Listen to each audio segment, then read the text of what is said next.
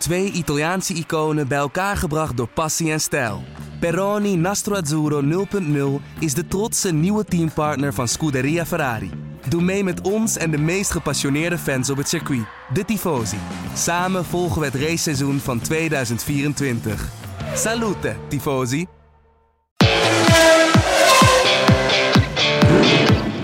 Dit is de Formule 1-podcast van De Telegraaf. Erik van Haren en Christian Albers praten hierbij over het belangrijkste Formule 1-nieuws. Ja, dan denk je alles gehad hebben dit weekend. En dan zit in één keer Christian Albers uh, tegenover me. Je zit heel uh, bedenkelijk naar de krant van vandaag te kijken, naar mijn verhalen. Ik hoop niet dat, uh, dat je heel veel onzin leest. Oh, je gaat nu naar een andere pagina. Nee, nee, ik zit te kijken. Ik bedoel, Max kan niet klagen over publiciteit, als ik het zo zie. Nee, je moet huh? wel aan de microfoon praten. Ah, Oké, okay, sorry. Het is lastig in de oh, studio. dat werkt zo. Ik wist niet hoe dat werkt. Ja. Hey, maar nee, het is een supermooi stuk.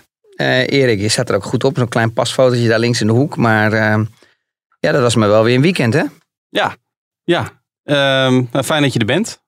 In ieder geval, dat praat toch wat makkelijk, hè? Een mooi scherm ja. tussen ons in. Uh... Eigenlijk is wel maf, want ik was hier en jij was, uh, jij was bij mij. Ja, nou, en ik ben ook even langs uh, huis geweest, maar goed, dat, hè, dat terzijde.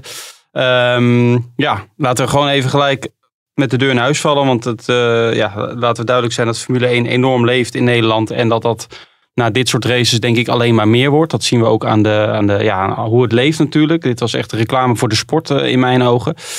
Ja, hoe heb jij naar de race gekeken, Chris? Ja, het is natuurlijk um, een geweldige race geweest. Uh, want normaal is het natuurlijk een circuit wat ja, super saai is. En waar je een soort optocht krijgt. Maar je zag toch dat deze race toch een... Ja, verrassend toch een paar inhaalacties waren hè, uh, van, van uh, Ricardo en Norris. En um, zo waren er nog een paar. Alonso vond ik dat hij zich weer van de beste kant liet zien. Want het lijkt wel of hij niet ouder wordt. Hè. Met de start was hij weer geweldig. Dus, ja. ja en dan heb je natuurlijk ehm, ja, de echte klapper natuurlijk met Max. Um, ja, waar ik eigenlijk gewoon op de bank zat te godveren. Dat ik dacht van ja, jezus, wat nemen jullie veel risico om gewoon toch nog een pitstop te maken. En um, ja, nu zitten we natuurlijk allemaal in, in een juichstemming natuurlijk. En, en de Red Bull is op dit moment de sterkere auto. Dat kan je ook wel zien. Omdat, je, omdat ze gewoon eh, met minder downforce kunnen rijden. Om eigenlijk dat vermogen ja, te kunnen ja, matchen met, met, uh, met, ja. met de Mercedes motor. Het mindere vermogen compenseren op het rechte stuk. Ja, maar ja. ja, en omdat ze gewoon ja, meer, meer, meer grip hebben in, in, in de totaliteit. Hè. Ik denk ook nog wel een beetje in midcorner, maar ook uh, vooral uh, low speed. Hè, dus de mechanische grip zijn ze al veel sterker als Mercedes. Um, en daardoor hebben ze de mogelijkheid ja, om gewoon met minder aerodynamica te rijden. Waardoor ze dus echt ja, die snelheid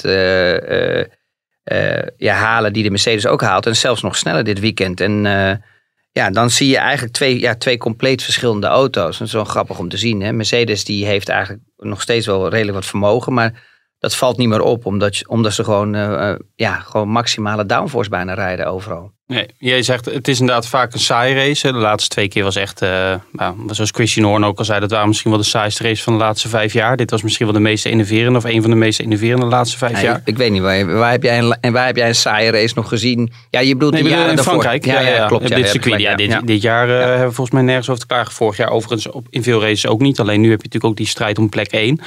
Um, jij zegt ik moet wel zeggen, aan het begin van de race dacht ik wel even dat het een saaie race zou gaan worden. Omdat um, ik toch het idee had dat Mercedes um, het beter voor elkaar had.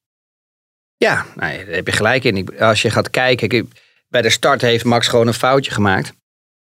En um, ja, dat kan iedereen gebeuren. Maar we hebben soms wel eens een oranje bril op. Hè. Ik bedoel, als, uh, als Lewis Hamilton zo'n uh, foutje maakt, dan staat hij onder druk van Max. En uh, ja, dan is het allemaal... In zijn hoofd, ja. ja. En, en natuurlijk, ik ben een, een Max-fan, hè, maar we, we proberen natuurlijk een beetje zo. Ja, nou ja, het correct is zo goed. mogelijk nee, alles nee, een beetje te, het, te verslaan. Mij, maar maar Ja. in principe, ja, hij. Wat, wat het probleem was, is dat hij eigenlijk in het midden bleef rijden en bij de eerste bocht aankwam. Hè, waardoor je dus eigenlijk scherper instuurt als dat je naar, helemaal naar rechts gaat, hè, de ideale lijn. En dan maak je de bocht eigenlijk wat minder scherp, want je komt meer van buitenaf. En ehm, terwijl hij daar wel de ruimte voor had. Ehm, maar dat deed hij niet, want ja, dat is toch nog steeds heel moeilijk te zien. Ook als Formule 1-coureur, als je in die spiegels kijkt. Het is heel moeilijk in te schatten hoe ver iemand achter je zit. Dus uh, ik denk dat hij voor safe ging en, en daar een beetje in het midden bleef rijden. Waardoor je dus de bocht scherper maakt. Ja, en dan heeft hij gewoon te veel momentum gehad, te veel rolling speed erin, waardoor hij dus gewoon eh, de achterkant verloor. En, ehm, en dan zag je dat hij hem op moest vangen. Ja, en Ja. toen kwam hij buiten de baan. En ja, dan zie je natuurlijk dat Lewis natuurlijk gelijk zijn momentum pakt en dat hij, en dat hij er voorbij steekt. Ja, er valt nog mee dat hij maar één plekje verliest. Maar Max zei, eh, ik sprak hem eh, na de race in de paddock, eh, maar hij zei dat het eigenlijk tot halverwege de race duurde voordat hij een beetje een fatsoenlijke balans in de auto had. Omdat de baan natuurlijk helemaal groen was, zoals ze dat noemen. Omdat het ochtends altijd echt flink geregend. Ik stuurde jou ook nog wat eh, plaatjes door hè, als, eh, Ja. voor het laatste Ja. weerberichten. En daarna, toen had Jij je... bent eigenlijk een beetje mijn pet reporter daar Ja, zo, hè? precies, ja. Zo'n weekend. ja, en jij ik zit natuurlijk als een greep voor de televisie. Ja, jij noemde mij kerstman en Sinterklaas, maar uh, waarvan akte. en toen had je natuurlijk die Formule 3 race, die ja, bijna al het rubber van de baan af. En Max zei eigenlijk dat hij pas gedurende de race, toen er natuurlijk weer wat meer rubber op de baan kwam, weer meer grip kreeg en dat de auto, dat weer wat snelheid in de auto zat. Uh, en dan was er ook nog die wind, waar hij veel last van had. Hè. Komt dat ook, dat zei hij in ieder geval, kun je dat beamen, omdat Red Bull dan met minder downforce rijdt, dat je meer last hebt van dat soort omstandigheden? Ja, ja zeker. Want uh, wat was het verschil tussen de twee auto's? En we hebben het nu alleen even over Red Bull en Mercedes. Is dat natuurlijk Mercedes met veel meer downforce reed eh, eh, in de race als dat, uh, als dat Red Bull had. Dus wat gebeurt er als het natuurlijk gaat regenen? Dan spoelt al dat rubber uit al die kleine gaatjes in het asfalt. En dan wordt het eigenlijk weer een beetje uh, ja, slipperig. En um, ja, wat, waar, wie is dan de sterkste? Dat is heel simpel. De auto die het meest op de grond wordt gedrukt, natuurlijk aerodynamisch. Want dan is je mechanische grip. Heb je, ja, het is wat minder, want je wordt met mechanische grip. Uh, moet je zeg maar zien dat je zeg maar, de vleugels eraf haalt. Dus je wordt minder naar beneden gedrukt. Maar je hebt dan wel een, een griplevel. Ja. Nou, die is hoog in, in de Red Bull als, als een Mercedes. Maar als op een gegeven moment de vleugels erop komen, dan zie je natuurlijk dat Mercedes meer downforce heeft gezet. Dus die wordt dus meer op het, naar het asfalt gezogen als het ware.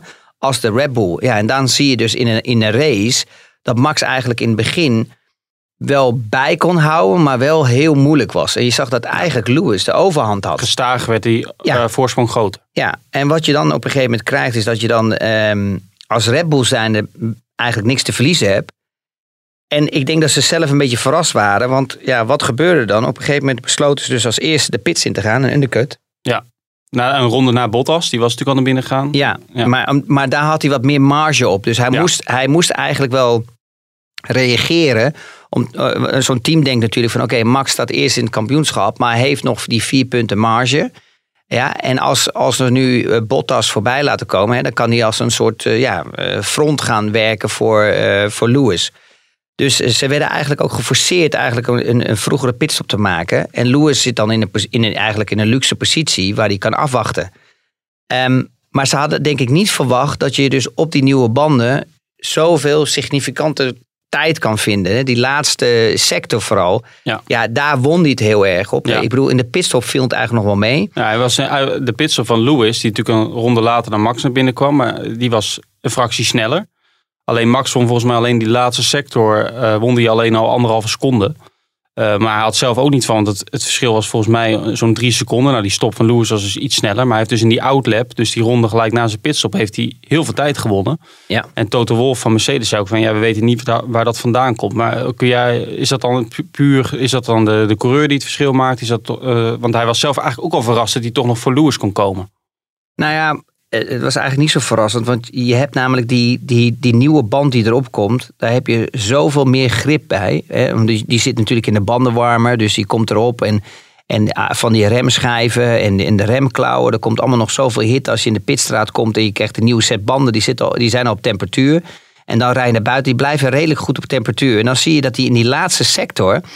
Daar is waar je heel veel kan winnen en verliezen. Hè? Met, het, met de tractie, met het uitaccelereren.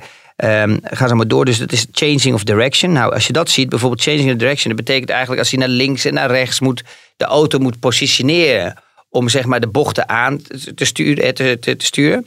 Dan zie je dat die Red Bull gewoon echt gewoon, ja, gewoon zoveel sterker is als een Mercedes.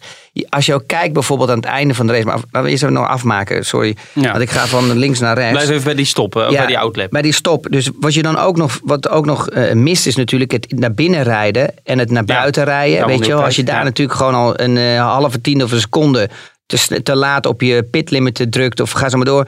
En daarna, daarbij heb je ook nog Mercedes staat vooraan. Die moet iets meer een bocht maken. Het is het inrollen van de pitbox. Want ik bedoel, de, de tijd wordt alleen genoteerd als je omhoog gaat en naar beneden gaat. Op de grond wordt gegooid. Maar het aanrijden. Ik bedoel, als er eentje eh, met 10 km per uur erin komt rollen en die staat in één keer stil. En de ander met 5, dat scheelt ook weer gewoon een, een tiende. Ja. Dus daar, in, het overal heeft hij dus overal daar een stukje gewonnen, Max. En, en zijn outlap, maar ook in de pits. Alles heeft hij perfect gedaan. En dat was de, daar, daar had hij de mogelijkheid om naast Lewis te komen. Ja, en dan had hij natuurlijk eh, warme banden. En dan was natuurlijk al een hele ronde op, op, eh, op pad. Ja, en toen kon hij hem eruit remmen de eerste bocht. Maar denk je dat Mercedes verrast was dat Max gelijk die ronde naar Bottas naar binnen ging? Want als zij Hamilton ook gelijk naar binnen hadden gehaald, dan hadden ze natuurlijk die voorsprong gewoon gehaald. En dat is eigenlijk waar Mercedes op dat moment eh, de race voor 50% verloren had. Ja. Ehm, en dan zie je eigenlijk, eigenlijk door de race heen eh, is dat eh, Lewis goed kan volgen.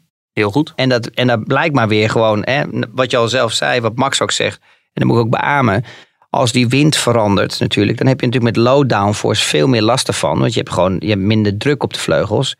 Ehm, als natuurlijk een high downforce auto. Hè, daar heb je dus gewoon meer grip. En dan zie je ook gewoon hoe goed eigenlijk Lewis kon volgen. Dus als die situatie was omgedraaid, dan, had- dan, was, dan was Lewis echt weggereden bij, Ja. bij Max Verstappen. Eh, wat wel grappig was, of grappig, ehm, ik denk dat het een ronde of acht na die eh, eerste stop was, het, eh, was Lewis die heel kort achter Max bleef zitten.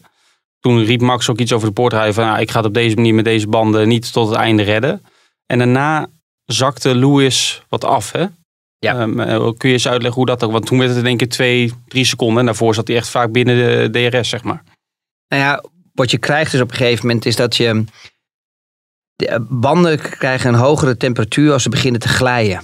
Dus als je bijvoorbeeld eh, onderstuur hebt en je blijft maar op die vooras door... En die, en die band die wil grijpen in het asfalt, maar die glijdt er overheen... Ja, dan krijg je steeds meer temperatuur. Als die band echt grijpt in het asfalt en die, en die rolt mooi rond... dan heb je eigenlijk een veel ja, een betere temperatuur, hè, minder hoog. Dus wat er gebeurt is, als Lewis achter Max Verstappen rijdt, heb je natuurlijk heel veel vieze lucht. Hè? Dus dat noemen we turbulentie, lucht, vieze lucht. Ja. Ehm, want dat komt, die wind komt op, op Max zijn auto. En, die- en je moet zeg maar zo zien dat die alle kanten op wordt gegooid. Dus eh, op een gegeven moment ja, krijg je net zoals in een vlieg- vliegtuig dat je turbulentie hebt. Nou, en, en dat betekent eigenlijk dat je zeg maar in een soort luchtzakken zit. Nou, en, en Lewis volgt daar eh, ehm, Max Verstappen. Dus die krijgt in één keer gewoon minder lucht. Want die zit in een soort luchtzak continu in, Ja. in de vieze lucht. Maar op, eerst kon hij wel aanhaken, maar dan krijg je er toch op een gegeven moment te veel last van. Ja, maar dan moet je ook niet vergeten is dat hij natuurlijk dan echt precies gewoon een, een nieuwe set banden hebt. Hij heeft natuurlijk eh, meer downforce als Max. En hij bleef in die DRS-zone, waardoor hij elke keer die afstand net elke Ja. keer weer terug kon trekken op het rechte stuk. Want dat is wat natuurlijk Mercedes miste. Die Mercedes heeft heel veel, ja, heel veel eh, ja, mogelijkheden eh, eh, bekeken in zo'n weekend van waar ze de snelste rondetijd kunnen krijgen. Dus je moest er wel vol de vleugel opdraaien om aan diezelfde tijden te komen van Max. En Max kon juist steeds minder, minder downforce als het ware eraf halen. Dus hij kreeg steeds minder downforce om dezelfde rondetijden te rijden of ook sneller te gaan. Ehm, maar wat je dan krijgt is dat hij volgt en dat gaat wel goed een paar ronden. Maar dan die, die, die bandentemperatuur die loopt ook per ronde een stukje op. Mhm. En dan op een gegeven moment merk je één keer dat hij niet meer in die DRS-zone komt. Dan kan hij er niet meer naartoe trekken. Nee, dan dan, zie, je, dan ja. zie je dat hij af. En dan is het voorbij, want dan heeft hij gewoon te lang achter Max gereden. Waardoor hij een hogere eh, bandentemperatuur kreeg. Nou, daar is geen spel te- tussen te krijgen, denk ik zo. Nee. Eh, je zei het aan het begin al eh, dat, je, nou, dat, dat Red Bull dan toch ballen toont met een, ja, eigenlijk een best een riskante eh, tactiek door Max nog een keer naar binnen te halen. En eigenlijk deze daar wat, ja, wat, we hebben dit jaar natuurlijk ook als kritiek gehad op de strategie van eh, Red Bull, bijvoorbeeld in Bahrein en Barcelona. Nu gebeurde eigenlijk het tegenovergestelde met Barcelona, dat Red Bull nu die tweede stop maakte. Ehm, ja, het heeft de overwinning opgeleverd, toch? Dat is toch duidelijk. Want, je, want of denk je dat hij met die harde band toch had door kunnen rijden, Max, en dat hij hem ook had kunnen winnen? Want je zag bijvoorbeeld Perez aan het einde van de race, die niet naar binnen kwam voor een tweede stop, dat hij ook alweer die pace had op die harde band. Nou ja, correct. Ja, Ja, daar kan ik over zeggen. Ja, Ja, ik bedoel, Perez, wel- Perez kan het ook doen. En waar Max niet. ja. maar dat kwam misschien weer omdat ze de tweede helft Iedereen van de race allemaal ook, die. Perez is echt zo'n bandenfluisteraar. Het is allemaal gewoon zo'n... no- Weet je, Dat is een beetje een modeterm aan het worden. Ja, weet je, het is, ze moeten toch wat vertellen. Ik bedoel, de man die krijgt gewoon toch nog steeds op, op zijn sodemiet. En dat Ja. krijgt iedereen naast Max. Maar ik bedoel, als er eentje ook goed met zijn banden om kan gaan. Weet je, iedereen vergeet even dat Max gewoon zijn eerste overwinning in, in Barcelona had. Waar hij hoeveel rondes niet op zijn setje banden heeft gereden. Ja, met Kimi Räikkönen. Met, ja. met, met verse nieuwe set banden achter hem. eh, in zijn nek hijgend. En eh, dus, weet je, ik zie nog steeds dat Max daar gewoon in die longruns eh eh net zo lang door kan rijden als Perez. En ook nog een snelle rondetijden kan draaien. Dus weet je, kijk, iedereen probeert maar wat te vinden om, om het verhaal maar een beetje te vertellen. Om, om, om eventjes tijd een beetje vol te lullen. Maar dat doen wij niet gelukkig. Nee, maar ja, kijk, laten we eerlijk zijn. Ik bedoel, Perez, hij doet het goed. Maar weet je, hij doet het ook niet goed. Hij doet het, hij doet het goed als tweede man. En hij, of, wel oké, maar hij zit er in de qualifying zit hij echt nog heel ver af. Hè? Daarom, maar, daarvoor- maar, maar doet hij het dan goed of doet hij het niet goed? Ik bedoel, hij heeft een auto die gewoon op de eerste startrij kan staan. Redelijk. Nou, laat, nou is natuurlijk Max wel echt gewoon buitengewoon goed. Laten we, dat, laten we eerlijk zijn. Want ik denk dat als iemand anders in die auto zit, zoals een Perez of wat dan ook, dat Lewis Hamilton gewoon weer pole position had gestaan. Dus Max is dat gewoon, dat, dat, dat, net dat extraatje wat hij eruit haalt. En dat is toch zijn talent. Maar altijd dat, die verhalen allemaal, dat, dat, dat hij de, de bandenfluisteraar is en zo. en Max is daar gewoon echt gewoon veel beter in. Oké, waarvan akte. Maar ehm, ben je dan wel eens dat Red Bull nu wel dan... Dat, daar kun je toch niet omheen, dat Red Bull hier toch de, de juiste call heeft gemaakt. Nou ja, ik vind van niet. Ik vind, ik vind dat eh, Max gewoon buitengewoon goed gereden heeft. En dat Max geluk heeft gehad dat eh, Bottas eh, het verkloot heeft. Dat hij zichzelf eh, verremd heeft in de chicane achterin in sector 2. Toen Max hem inhaalde. Ja, Ja, maar daardoor kon daarna. Max hem gewoon eigenlijk snel inhalen. Want als hij de tweede ronde voor had gezeten, dan had Max namelijk ook gewoon weer problemen gehad met, eh, met die vieze lucht. Ja. Ja. en dan krijg je je bandentemperatuur, die, eh, die dus ook. eh, dus, want het is een heel klein window waar die, waar die Pirelli-banden in werken. En dat is best wel moeilijk te vinden, zeker met een qualifying. Ehm, en dan, en dan, merk je, dan ga je merken natuurlijk als hij erachter zit dat hij gewoon echt veel gaat verliezen. En dan had hij het nooit gehaald, want we Want, praten over twee ronden. Ja, anderhalve ronde voor het einde had hij. Want je ziet ook dat hij met verkeer... Want op een gegeven moment bleef die achterstand ook een beetje op vijf seconden steken. Omdat hij wat last had van verkeer. Toen denk ik, nou, ik weet niet of die, ik denk niet dat hij het nog gaat halen. Ja, klopt ja. Dus ja, eh, maar wie vind je dan het achter? Dan heeft Mercedes het fout gedaan of heeft Bottas het fout gedaan? Ehm, nou, Mercedes heeft helemaal niks fout gedaan. Kijk, we hebben het al eens vaak over gehad in deze, in deze uitzendingen. Is dat ik vind ehm, Bottas echt een goede tweede coureur. Maar ik, ik vind wel echt dat hij nu echt begint te, Ja. te vergooien. Laatste week. En dat, en dat komt niet, misschien, ik kijk daar anders naartoe, maar ik kijk, ik, ik kijk daar vanaf, vanaf, vanaf, ja, vanaf de zijkant. En dan denk ik, ja, Bottas, wat ga je tekeer op die radio? Weet je, wel? van ja, ik heb toch gezegd dat we een twee-stopper moeten doen. Ja. Ten eerste is het heel simpel. Hij heeft die monitoren niet in zijn auto. Het is geen datacenter. Het is alleen op zijn stuurtje. Maar dat laat alleen maar iets zien. Dus hij weet niet waar iedereen rijdt. Het team kan de juiste strategie, daar zitten data engineers voor, om die kunnen berekenen of wat. Tuurlijk kan een coureur zijn gevoel uitspreken. Maar eigenlijk heeft het team de overhand. ja, Want die, hebben heeft alle die- informatie. ja, dat is net Ja. zoals een 112 oproep. Die zien alles. Ja, maar dat is toch zo? Die zien natuurlijk alles. Die hebben, die hebben alle tijden. Die hebben alles, eh, alle monitor. Die zien waar de andere coureurs rijden en al dat dingen. Het is gewoon een grote dataroom. Ja, Ja, maar iemand die 112 belt, die is in Ja, nood hebben, normaal gesproken. ja, maar die hebben toch ook een dataroom. Het is Ja. altijd nood op een circuit. Maar, Ja. maar, maar, nee, maar wat ik bedoel te zeggen is zo'n dataroom. En het is, eh, weet je, Ja, dat helikopters in de lucht en vliegen, dat soort Ja. dingen allemaal. Het gaat erom is dat het team kan zien waar iedereen rijdt, wat voor rondetijden er worden gereden. En dit kunnen ze allemaal monitoren. Waarom zou je, waarom zou je een risico nemen van een pitstop te nemen? Zo, je hebt het gezien al bij Bottas, hè, dat met die wielmoor die kapot ging. Waarom zou je dat nemen als, een, als een, zeg maar de, de, de coureur die achter hem ligt, zeg maar 10 seconden en die loopt maar een halve seconde in en er zijn nog maar 10 rondjes te gaan. Dan heeft hij een marge van 5 seconden. Waarom zou je risico nemen om een pitstop te maken waar iets fout kan gaan? Waar een wiel er niet op gaat of eraf gaat. Dus dat, weet je, dat moet je allemaal een beetje incalculeren. Dus zo'n team denkt veel verder dan alleen tot hier en zo Ja. ver. Die, die gaan verder kijken van waar valt iemand terug?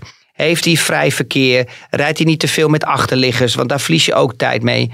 Ja, en, dat, en, en wat ik vond het weekend is dat ehm, hij ging tekeer in de, in de boordradio. Maar Perez had ook gewoon een één stopper. Ja. Ja, dus ik begrijp niet wat het probleem was. Nee, ja, hij, eh, dat, dat weet ik ook niet. Dat is een goede vraag. Eh dat moeten we aan Bottas vragen. Eigenlijk had iedereen een er, ook een, zit er ook een beetje frustratie bij dat hij, dat hij zelf wel er, snapt dat hij het zelf heeft eh, vergooid. En dat dat dan een beetje dat het een uiting van frustratie is. Zo vaak horen we Bottas natuurlijk niet eh, op deze manier. En je hebt ook de verhalen met Russell die hem gaat vervangen. Misschien dat dat allemaal meespeelt in zijn achterhoofd. Ik weet Ja, het niet. ik denk persoonlijk, om heel eerlijk te zijn, dat als, eh, als ze Russell in het team zetten, dat het juist om kan slaan. Omdat je dan twee Engelsen hebt in Ja. het team. Ja, dat wordt een beetje echt zo'n. Ja. Ik denk, ja. Ja, dat denk ik ook. Ja. Ik, ik denk dat ze met Bottas eh, moeten blijven doen. Maar ik denk niet dat het gebeurt. Maar ik had gisteren met twee eh, collega, Engelse collega's ook over. Ja, die, die juichen dat natuurlijk enorm toe als dat gebeurt. Maar ja, die kijken natuurlijk eh, met een andere bril. En die vinden Bottas natuurlijk allemaal een hele saaie snuiter. Alleen, ik denk als tweede coureur dat eh, kijk, in qualifying zit hij er in de regel dichterbij op Lewis. Of soms zelfs voor dan Perez met Max bijvoorbeeld. Toch? ja, maar dat is het gevaarlijke altijd van de pers. Is dat die beginnen door te duwen. Ja, Ja, en op een gegeven in moment. Engeland. Weet je, en dan, en dan, ook al heeft Toto Wolf in zijn hoofd om het niet te doen. Als je dat elke week leest in de kranten en, en er wordt gepusht door die, door die journalisten dat Bottas gewoon niet de goede keuze is. Op een gegeven moment begint ook gewoon de board van Mercedes ook zo ook mee te praten zo. Want Ja, die, die, lezen, die, lezen die het hebben ook. geen flauw idee. Die kijken niet de rondetijden en die kijken niet in qualifying. Die denken dat iedereen hetzelfde kan doen. Maar het is, laten we eerlijk zijn, bij qualifying staat hij er gewoon altijd netjes bij. En in de race weten we nou eenmaal dat hij gewoon niet de sterkste is. Nee. Maar dat geeft ook vertrouwen aan Lewis. Ja. Ja. En dat geeft ook die, dat extra stukje performance aan Lewis. Want hij voelt zich comfortable. Hij, hij, hij voelt zich comfortabel eh, om die race te rijden. Dus ja, ik vond, moet je eerlijk zeggen dat hij zich een beetje begint af en toe te misdragen. Ehm, nou merkte ik dat eigenlijk al bij de buitenlandse televisiezenders. Je ziet dat niet in Nederland hoor je dat. Maar als je de interviews hebt bijvoorbeeld op Sky en zo. Merk je al af en toe dat hij wat sneers geeft en al dat soort dingen. Want Ja, hij denkt echt dat hij continu nog steeds het gevecht aan kan met Lewis Hamilton. Maar ja, dat, dat gaat hem echt niet worden. Nee. Nou, even, eh, nog even terug. Even resumeren. Denken jullie ook dat Max hem gewoon op de witte band zonder een tweede stop had kunnen winnen? Vraagt Martin. Maar wat was daar- het antwoord is dan ja. Bottas kon winnen? Nee, eh, Max. Als hij gewoon op die harde band, als hij buiten was gebleven zonder tweede stop. Omdat hij zegt ook, Perez die eindigt op vijf seconden van Hamilton. En die had aan het einde van de race veel meer snelheid op die witte band. Ging natuurlijk iets later naar binnen. Hè. Perez bleef iets langer Nou, doorrijden. Ik denk dat. ehm, ik denk dat ze Max naar binnen hebben gehaald. Dat het een goede keuze was. Omdat. Nee, maar luister, er zijn twee, dit zijn twee verschillende scenario's. Ja, Max reed natuurlijk met veel minder downforce. Dus die, die, die creëert ook eigenlijk een hogere temperatuur.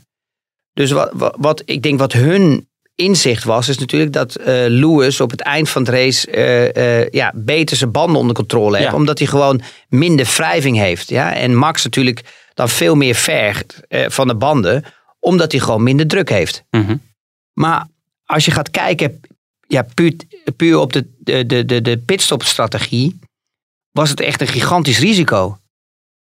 Omdat als, als Bottas hem één rondje nog eh, tegen heeft kunnen houden, en het was echt dus gewoon, ja, sorry, een doeves, dat hij zichzelf verremde, ja. ja, en dat Max er gelijk voorbij kon, dan had Max echt een serieus probleem ge- gehad. Ja. En dan was hij gewoon tweede geworden. Dat was, dat, dat was eigenlijk het hele ei eten. Het was gewoon een stop dat voor mij een risicostop was. Dat ik zeg van oké, hij had het niet nodig. Hij had P1, Beamen ze zelf ook, hè? want ze doen het eigenlijk nooit. Een leider in de wedstrijd die, waarvan de banden nog goed zijn naar binnen halen. correct. Maar ik denk dat ze bang waren, omdat Max toch wel hè, zei van joh luister, dit is heel moeilijk. Maar terwijl je toch zag op het einde dat hij wegreed. Maar ik denk dat, hij, dat ze bang waren dat hij datzelfde tempo niet kon blijven eh, volhouden. Ja. En dat hij dan zoveel vergt van zijn banden, dat hij dus eigenlijk ook zo'n piek kreeg naar beneden. En dat hij natuurlijk ook een één ronde langer had als, als Lewis, maar dat, dat scheelt niet zoveel. En dat ze dat risico hebben genomen. En, Ja, maar dan is en- het toch een goede call geweest, want hij wint. ja, Achteraf, hè? is dat ja, achteraf? achteraf, is makkelijk praten natuurlijk. Dat, Ja. Natuurlijk is een goede call geweest. Maar laten we het zo zeggen, hoe, hoeveel risico was het? Ik bedoel, Bottas met dat ene stomme foutje. Want die, als hij, je bedoelt, kijk even makkelijk Als vertaald. Bottas hij hem iets lang- had- Als hij hem iets langer achter zich had gehouden.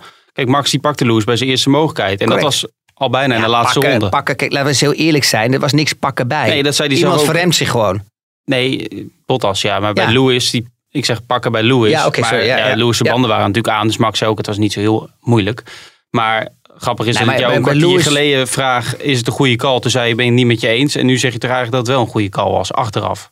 Nee, Wel. Nee, dan spreek ik mezelf tegen. Ik vind, Ja, nee, sorry. Ik vond, het, zelden, ik, vond het een, een, eh, eh, ik vond het geen goede call.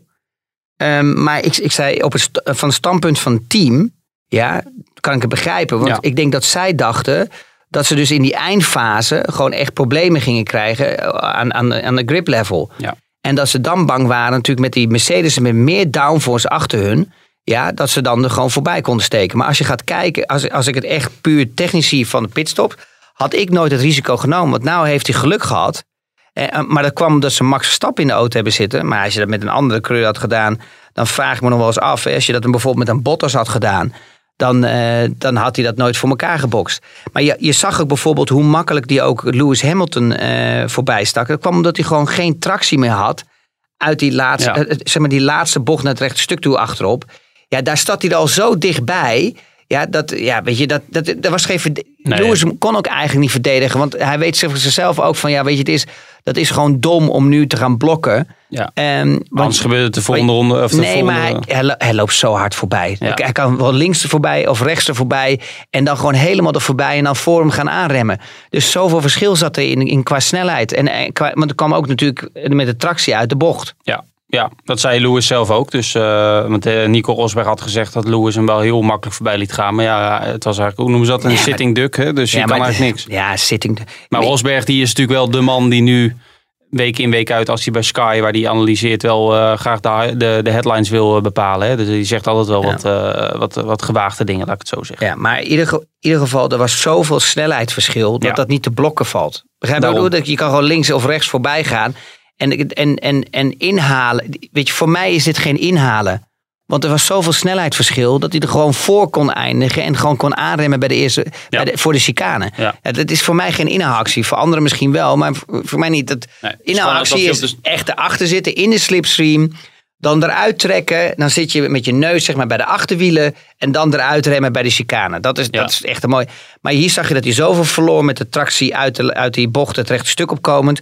Ja, dat, dat Max er eigenlijk al halverwege het rechte stuk. Voordat die DRS al bijna aanging. Dat hij er al bijna naast zat. Ja, ik kreeg ook wat vragen over waarom eh, Bottas niet nog een tweede keer naar binnen werd gehaald. Omdat hij, eh, toen hij was ingehaald door Perez, om dat snelste race, eh, of, de snelste raceronde af te snoepen van Max en dan dat puntje weg te halen. Maar Toto Wolff die legde uit dat het kwam dat ze dachten dat misschien Perez nog een straf zou krijgen. Omdat hij hem inhaalde met de track limits. Dat hoopten ze in ieder geval van vijf seconden. Daarom hielden ze Bottas op de baan. Dat was zijn verklaring in ieder geval. Dus is dat ook weer opgehelderd. Ook, Ja, maar ze hebben, natuurlijk, ze hebben natuurlijk ook, ze wilden natuurlijk ook eh, in die beginfase natuurlijk Bottas, dat soort hekwerk eh, Ja. functie gebruiken. Dus Om, om. Max, om Ja. Max natuurlijk die laatste twee seconden af te knibbelen. Ja. Hè, en dat, dat, dat Max er niet bij kon komen. Hij wou gewoon, ze wouden eigenlijk gewoon Max een stukje tegenhouden. Ja, ja, Alleen maar dat is daarvan. altijd Bottas die breekt onder druk. Ja.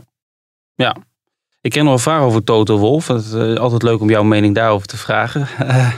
Wat, eh, wat je van de houding vindt van Toto Wolf. Hij lijkt wat geagiteerd en soms gefrustreerd. Ook het openbaar afwakkelen van Bottas naar onder andere Monaco en Baku. Hij lijkt me niet de leider die zijn team beschermt momenteel tegen de bedreiging van buitenaf. Hoe zien jullie dat? Vraag van Wouter de Ruiter. Nou ja, houdt ze natuurlijk rustig mee.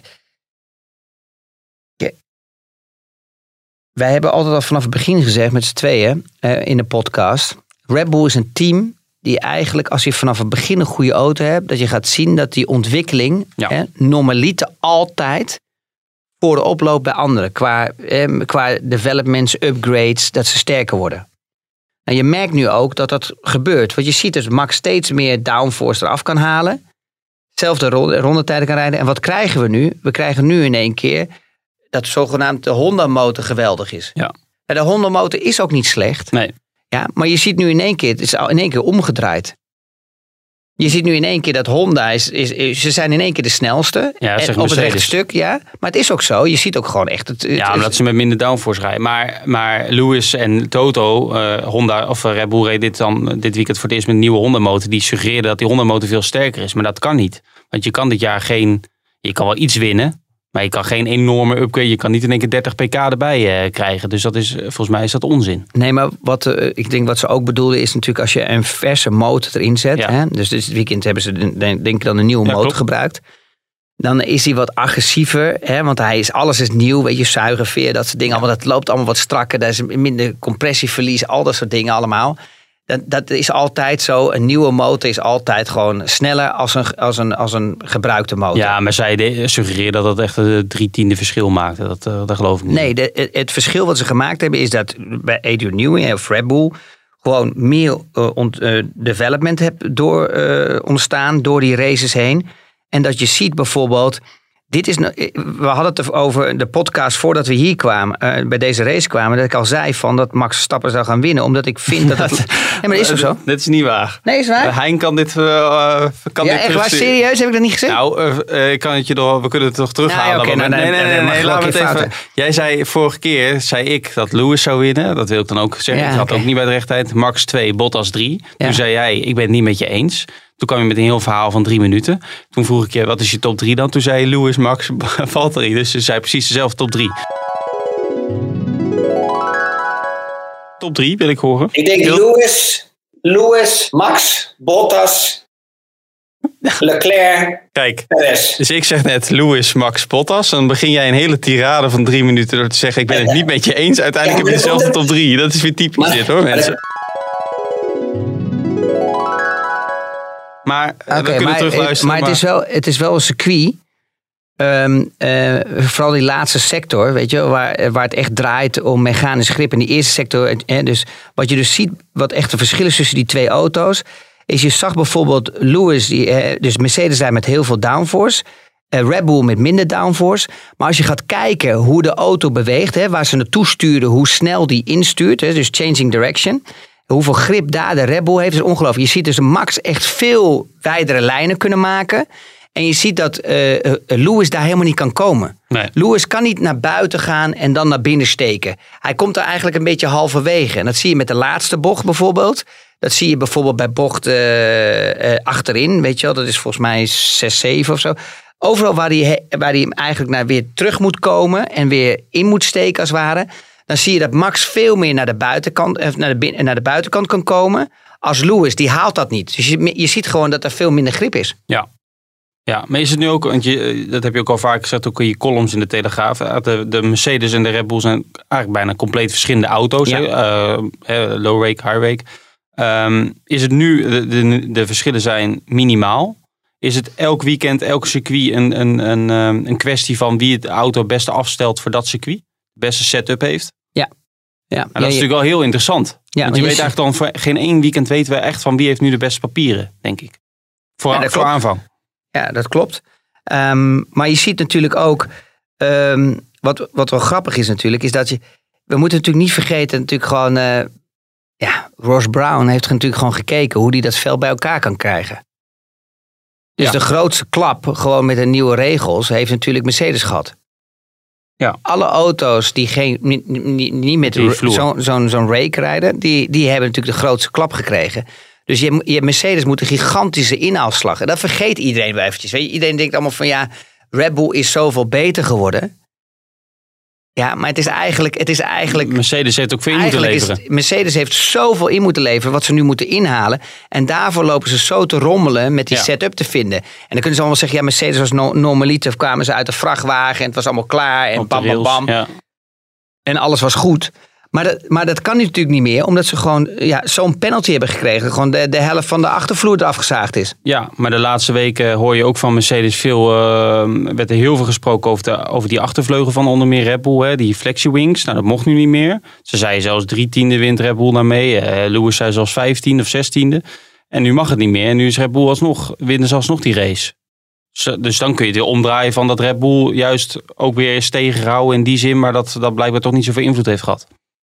Nee, maar daar, daarvoor zijn ze denk ik ook het seizoen, eh, dit, deze, dit raceweekend ook begonnen met, eh, met low downforce. Om te kijken wat er gebeurt. En misschien hebben ze wel wat gevonden. Misschien, misschien merken ze nu, en zeker met dit circuit, ehm, waar het om mechanische grip heel veel draait en tractie en changing direction. Zijn ze gewoon stukken beter als Mercedes. En daarvoor moest Mercedes ook veel meer vleugel erop. Dus het kan best wel zijn dat de volgende race in Oostenrijk het weer anders kan gaan worden. En vergeet natuurlijk niet, hè, die Mercedes heeft een langere wielbasis. Hè? Dus de changing direction, dus van links naar rechts, snel sturen.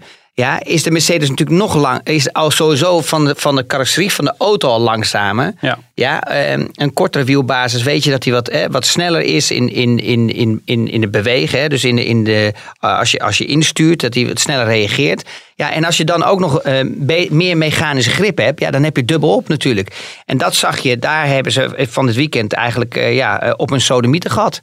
Ja. En, dat, en eerlijk gezegd hebben ze eigenlijk echt een superjob gedaan. Want Lewis en, en Bottas hebben dus een setup gevonden. Ja, met meer downforce om dichterbij te komen. Ja.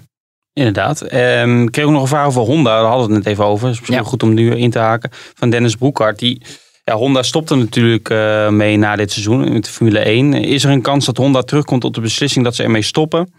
Ehm, of zal Honda nu niet ergens spijt van hun beslissing hebben? Nou, ik, ik ga er niet vanuit dat Honda daarop terugkomt. Want die beslissing wordt niet gemaakt door de Formule 1-tak. Maar echt door de, ja, laat ik zeggen, de algehele leiding van Honda. Dat heeft met heel veel dingen te maken, maar vooral met geld. Eh, ik merk wel dat de mensen van Honda, ja, Japanners zijn natuurlijk heel eh, beleefd, maar dat die toch wel, eh, ja, die mensen in die Formule 1, eh, ja, bij dat Formule 1 team van Honda, of de Formule 1 kant van Honda, die zijn er echt doodziek van dat, eh, dat ze ermee stoppen. En ik ga er eigenlijk vanuit, eh, Red Bull gaat natuurlijk die motoren zelf maken, dat er een aantal mensen van Honda gewoon meegaat naar Red Bull. Maar het is natuurlijk wel eh, doodzonde eigenlijk als je er zo naar kijkt. Dat ze er nu zo goed bij staan. Dat die motor goed is. Dat, dat de Red Bull competitief is. En voor de titel kan, lijkt te kunnen strijden. En dat Honda er juist nu weer mee stopt. Eh, Drama. Ja. Maar dit hebben voor die mensen ook. Zo'n Tanabe en die, al die mensen Ja, daar maar die dat top. is- maar dat is het, is kijk, het komt natuurlijk van bovenaf. Hè. Ja. Er staat zoveel druk op die, op die, eh, op die fabriek. Hè, met eh, environment en groen en elektrisch. Ben, ben je iets aan het... Dus ik niet- schop je ergens tegenaan. Maar, je eh, doet net alsof je een la open doet. Een beetje ik- interessant, ik- zeg maar, ik dacht- bloknoten voor, maar je doet helemaal niks. ik dacht al, ik heb gewoon een laptopje voor me. Dat is de moderne tijd. Maar bij jou heeft de tijd ook niet stilgestaan, zie ik. Maar, Maar, ehm, ga door. maar, maar, ehm, ja, je, je merkt gewoon, dat was de vorige keer ook al. Hè? Ik bedoel, Ross Brawn, met alle respect. Daar hadden ze al het geld geïnvesteerd in het jaar erop. En daarvoor waren ze succesvol. Alles was geïnvesteerd in het jaar erop ja, om te gaan vlammen. het Honda fabrieksteam die ja. er toen ook mee stopte. Ja. Ja. En toen trokken ze stekker uit. En in één keer was Ross Brawn was de geniale. Ja, Brawn GP was geniaal. Die hadden zo'n fantastisch. Maar ze vergeten één ding is natuurlijk dat ze heel veel geld geïnvesteerd hadden in de jaren. In de, één jaar daarvoor hadden ze, wij zijn ze gestopt met development. Hebben ze al het geld, al het budget naar, naar het jaar erop geschoven. En toen was die auto geniaal. En toen waren ze natuurlijk uitgestapt. En nu krijg je precies hetzelfde. En dat, eh, ik had het er gisteren ook over. Ehm, toen ik de Grand Prix eh, met een vriend ook erover. Ja, je, je zal weer zien dat ze, eh, dat ze gewoon kampioen. Nou, laten we hopen dat ze kampioen worden Mhm. met Max. Ehm, en ik denk dat het geweldig voor ze is. Ja, en dan zal je zien dat ze dan weer eigenlijk uitstappen. Wat gewoon zonde is. Want ik denk dat het een mega marketing tool is voor ze. Ja, denk ik ook. Ik heb nog een aantal vragen binnengekregen. Laten we eerst nog heel even kijken. Heb je nog andere dingen? Ik vond bijvoorbeeld McLaren eh, erg sterk. Ja. Vijfde en zesde. Ja. Norris vijf, Ricciardo zes uit mijn hoofd. Maar, je hebt de, Ja, ik- maar Norris zeven races gehad nu. Norris zes races in de top vijf. Hè? En ik dacht eigenlijk door de race heen van... Hey, Ricardo begint het nu... Ja. eh, ja, echt onder controle te krijgen. Hij begint snel te zijn. Hij ging inhalen. Hij was voor Norris. Maar zie je toch die eindfase dat Norris weer hè, met een andere set banden zich toch eh, comfortabel voelde. En dat hij daar echt die rondetijden eruit kon persen. En dat hij er dan toch gewoon weer eh, voor eindigde. Ja, dat vond ik, moet je eerlijk zeggen. Ja. eh, dan merk je toch wel dat ehm, ja, Norris toch wel echt nog wel de, ja, de sterker is in het team. Ja. Nou, nou rijdt hij natuurlijk al een paar jaar daar, laten we er eerlijk in zijn. Maar als je dan gaat vergelijken bijvoorbeeld Norris met eh, Carlos Sainz. Die waren ook aan elkaar gewa- gewaagd. Ik vond dat Sainz toen de tijd in Toro Rosso ook... Max was wel iets te betere. Maar ik vond die ook gewaagd bij elkaar. In die qualifying zeker, ja, in ja. qualifying met elkaar. Ehm, maar Max is wel gegroeid in die qualifying, moet je heel eerlijk zeggen. Ja, ja, ja. Dus da- da- Maar- daar is echt wel verschil in Maar gekomen. Norris en Sainz vond ik Sainz toch op een gegeven moment, zeker de tweede helft van het seizoen, altijd wel de overhand hebben. In ieder geval in de resultaten. Ja, klopt. Maar als je dan gaat kijken dan, hè, dat Sainz dan bij, eh, bij, bij Ferrari komt. eh, Leclerc, ja, stiekem toch gewoon ja, echt sterk. Als de ronde moet komen, dan is hij er. Ja. Hoe, ja, Hoe weet maar- jij maar- nog steeds ja, niet, hoe maar- weet ik soms ook niet, want ik vind soms nog steeds best wel wild. Ehm, maar je ziet wel dat hij eh, redelijk snel hè, bij eh, Leclerc aan zijn speed zit. En ik, denk, ik vind dat hun op dit moment echt een fantastisch team hebben met die twee. Ik vind ze een leuke uitstraling hebben. Ze zijn jong, ze zitten dicht bij elkaar. Dus Ferrari weet wat ze moeten gaan veranderen. Hè. We weten dat ze de auto moeten verbeteren. Ja. Eh, ze hoeven het niet meer te zoeken in die coureurs. Weet je, daar is de rust nu. Rick van Leeuwen over Ferra- Ferrari nu P11 en P16. Zijn ze weer terug op aarde na die twee races in Baku en Monaco of hadden ze veel pech? Nee, eh, wa- wat het probleem is bij, bij Paul Ricard is eigenlijk... Je zag dat ze ehm, in qualifying heel sterk waren. En dat is ook, want het is over één ronde. Dus Ja. daar zie je ook dat de Ferrari... eh, Ik denk dat Ferrari na Red Bull echt de een na beste mechanische grip heeft. Want dat zag je ook bij de stratenraces, hoe sterk ze waren. Ja. Maar wat je dan krijgt, is je krijgt een beetje hetzelfde als Renault. Hè, dat ze gewoon als ze echt, echt als een pudding in elkaar zakken door de race. Weet je, dat ze te veel temperatuur creëren in die banden. Dat ze te heet worden. Ja, en dan merk je gewoon dat ze gewoon helemaal afzakken in de race. En, en dat zie je ook bij Renault. En daar heeft eigenlijk Ferrari, Renault last van. Eh, die, die, die, ja, die zijn echt het grootste slachtoffer daarvan. Ja. Ja, en nog andere dingen die eh, Vettel ook alweer met de, toch Aston Martin wel met een goede strategie. Hè? Vettel die lang, die natuurlijk bestart op die hardste band, lang kon doorrijden. Eigenlijk ja, toch weer in de punten. Hè? Wat er eindigt Vettel, met, met alle respect, ik vind Lance Stroll eh, vind ik het het beste doen. Want als we teruggaan naar Baku, ja, daar was hij ook super onderweg Ja. voordat hij een klapband kreeg. Maar ook daar had hij de mogelijkheid gewoon weer eh, eh, gewoon voorin te eindigen. Eh, want hij was daar ook gewoon goed op, op weg. En hier was het precies hetzelfde. Ze hebben gewoon altijd gewoon een goede strategie. Eh, het is een beetje mijn oude team, hè? Eh, Midland en Spijker. Ehm, ja, maar ze doen het echt altijd gewoon echt goed. Mhm. Het, dat merk je altijd. Ze hebben gewoon echt eh, bijna 90% altijd de beste strategie. Ja, nee, dat valt de laatste weken natuurlijk helemaal op. Eh, De qualifying valt dan iets tegen misschien. Maar dan kunnen ze toch met de strategie op zondag veel goed maken. En toch in de punten, punten eindigen. Ehm, er was nog wat, eh, er werden ook nog wat vragen gesteld over die, eh, vooral Max, maar ook Lewis aan het einde. Die had heel veel problemen met de boordradio, was heel slecht. Ja. Verstaan ging goed, Ja. spreken ging eh, wat minder. Ehm, ja, heb jij zoiets ooit meegemaakt van Patrick? eh, Vraagt Patrick, sorry. En kun je als coureur eigenlijk de pipboard zien tijdens de race na, langs de, hè, op het, eh, bij eh, start-finish? Kijk je daar überhaupt naar? Of, eh, Nou, het is heel vervelend als je boordradio het niet doet. En zeker in de tijd van nu met Formule 1, hoeveel eh, mogelijkheden je hebt op het stuur om aanpassingen te doen. En dat gaat eigenlijk meer om motormappings en, eh, eh, en weet je wel, en, Ja. en natuurlijk de care settings, al dat soort dingen. Dat is meer geworden als het in mijn tijd was. Aan de andere kant hadden we in mijn tijd weer meer eh, ehm, eh, mogelijkheden qua differentieel settings. Ehm, maar ook traction control stond er bij ons bij. Weet je, waar waren meer rotaries natuurlijk die we konden gebruiken voor low speed, eh, traction control, medium speed eh, en high speed. Dat, dat werd bijna niet gebruikt, dus het was alleen maar low en medium. Ehm, want meestal heb je namelijk met de hoge snelheidsbochten kan je bijna geen wielspin hebben, omdat je zoveel druk hebt van eh, aerodynamica. Mhm. Ehm, maar dan merk je wel dat het echt vervelend is als je echt niet kan communiceren met het team. En natuurlijk kan je pitbox, de pitboard zien, maar het ligt er ook aan welk circuit.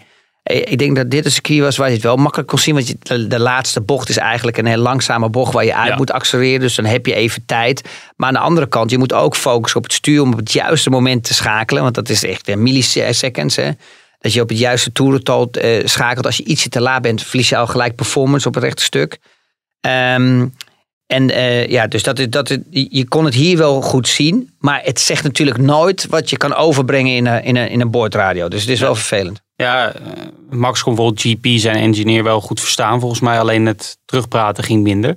En dan merk je dat hij wat gefrustreerd raakt. Want hij moet dan af en toe drie keer herhalen. Want dan kan GP hem niet begrijpen. Maar dat is ook voor GP de kunst om heel rustig te blijven. En Ja. dat, dat is hem wel toevertrouwd. En jij kent Ja. het natuurlijk goed. Maar Ja. die blijft zo rustig en kalm. Hij stond ook op het podium eh, dit keer trouwens. Naast eh, Verstappen en Perez. Ja. Kreeg nog de volle laag met de...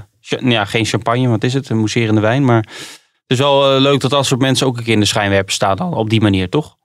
Ja, om, ja, omdat ze natuurlijk eigenlijk altijd achter de schermen keihard aan het werk zijn. Het is ook leuk gewoon, ook dat die teams toen de tijd dat eh, gedaan hebben, dat gewoon iedereen van het team de mogelijkheid heeft ook naar zo'n podium te gaan. En natuurlijk is dat voor, voor een team wat vooraan rijdt wat makkelijker als het is een team wat achteraan rijdt. Ja. Want ja, die, die mogelijkheid is er niet zo vaak. Dus dan moet je echt gaan kiezen, oké, wie mag er mee naar het podium?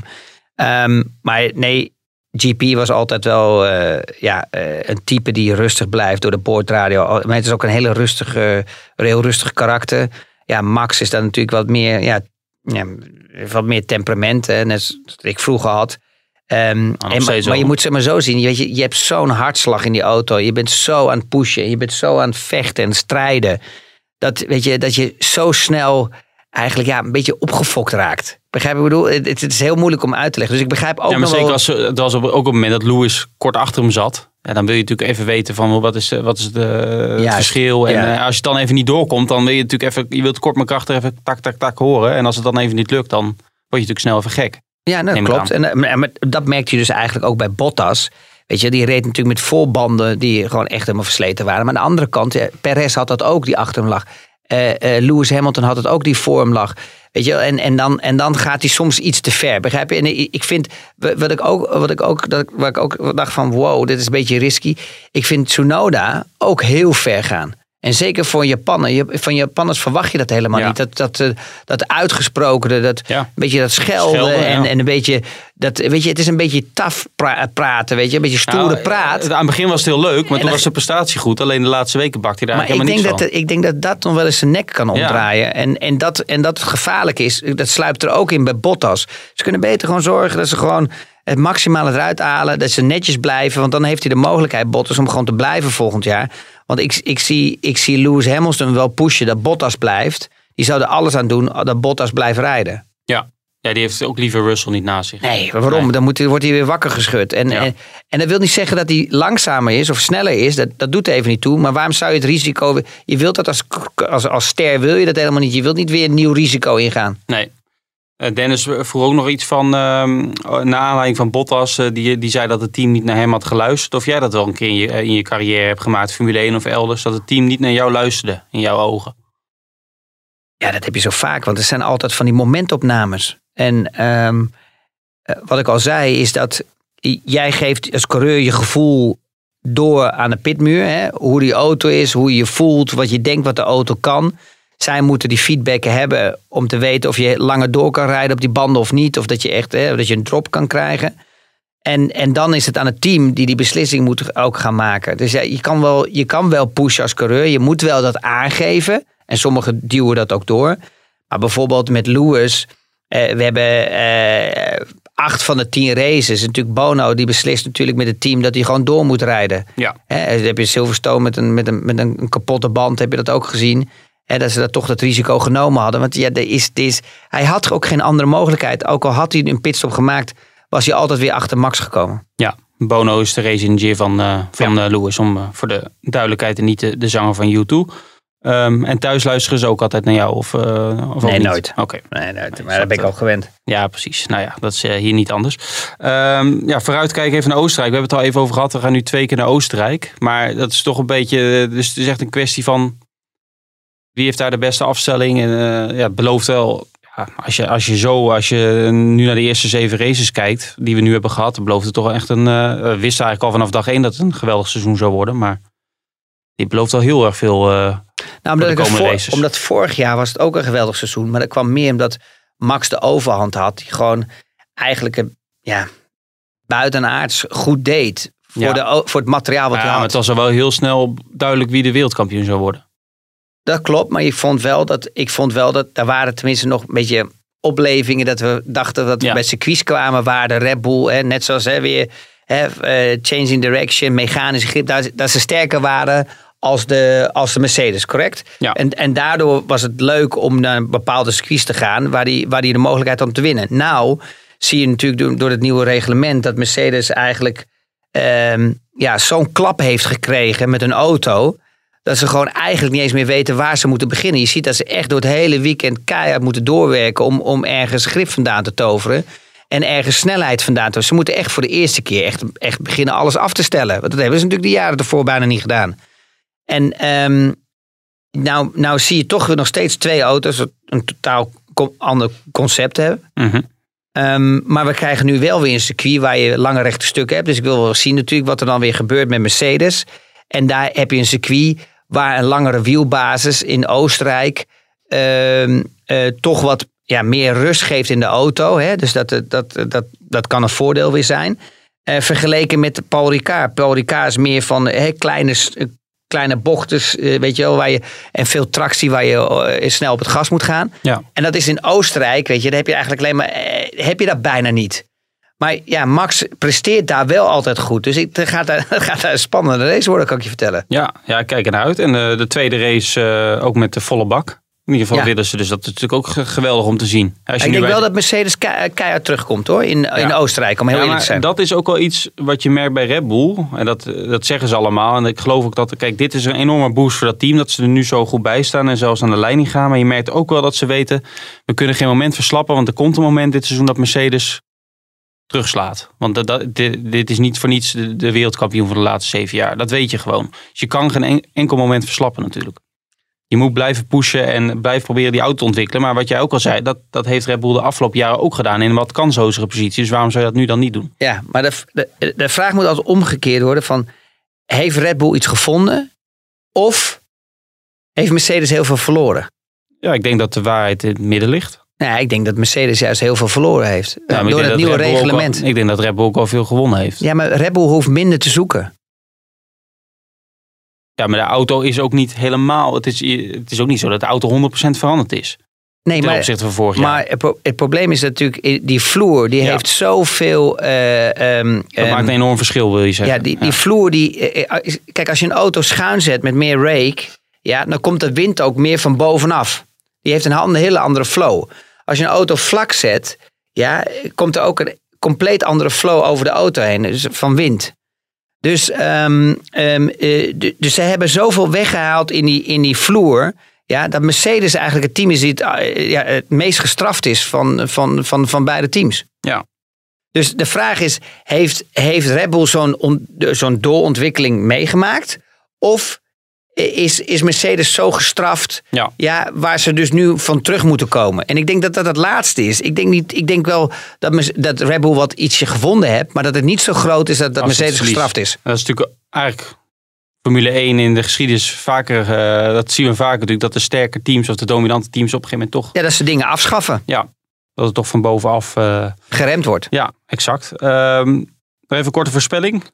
Oostenrijk 1, want volgende week zijn we er gewoon weer eh na de eerste race in Oostenrijk. Maar, en misschien. eh, Ik, hoor denk- net, ik, denk hoor even- net, ik, ik, volgens mij had ik gezegd dat Max ging winnen in Paul Ricard, maar ik hoor, ik hoor net van jullie dat ik dat... Nee, dat is. Maar denk even goed na. Focus.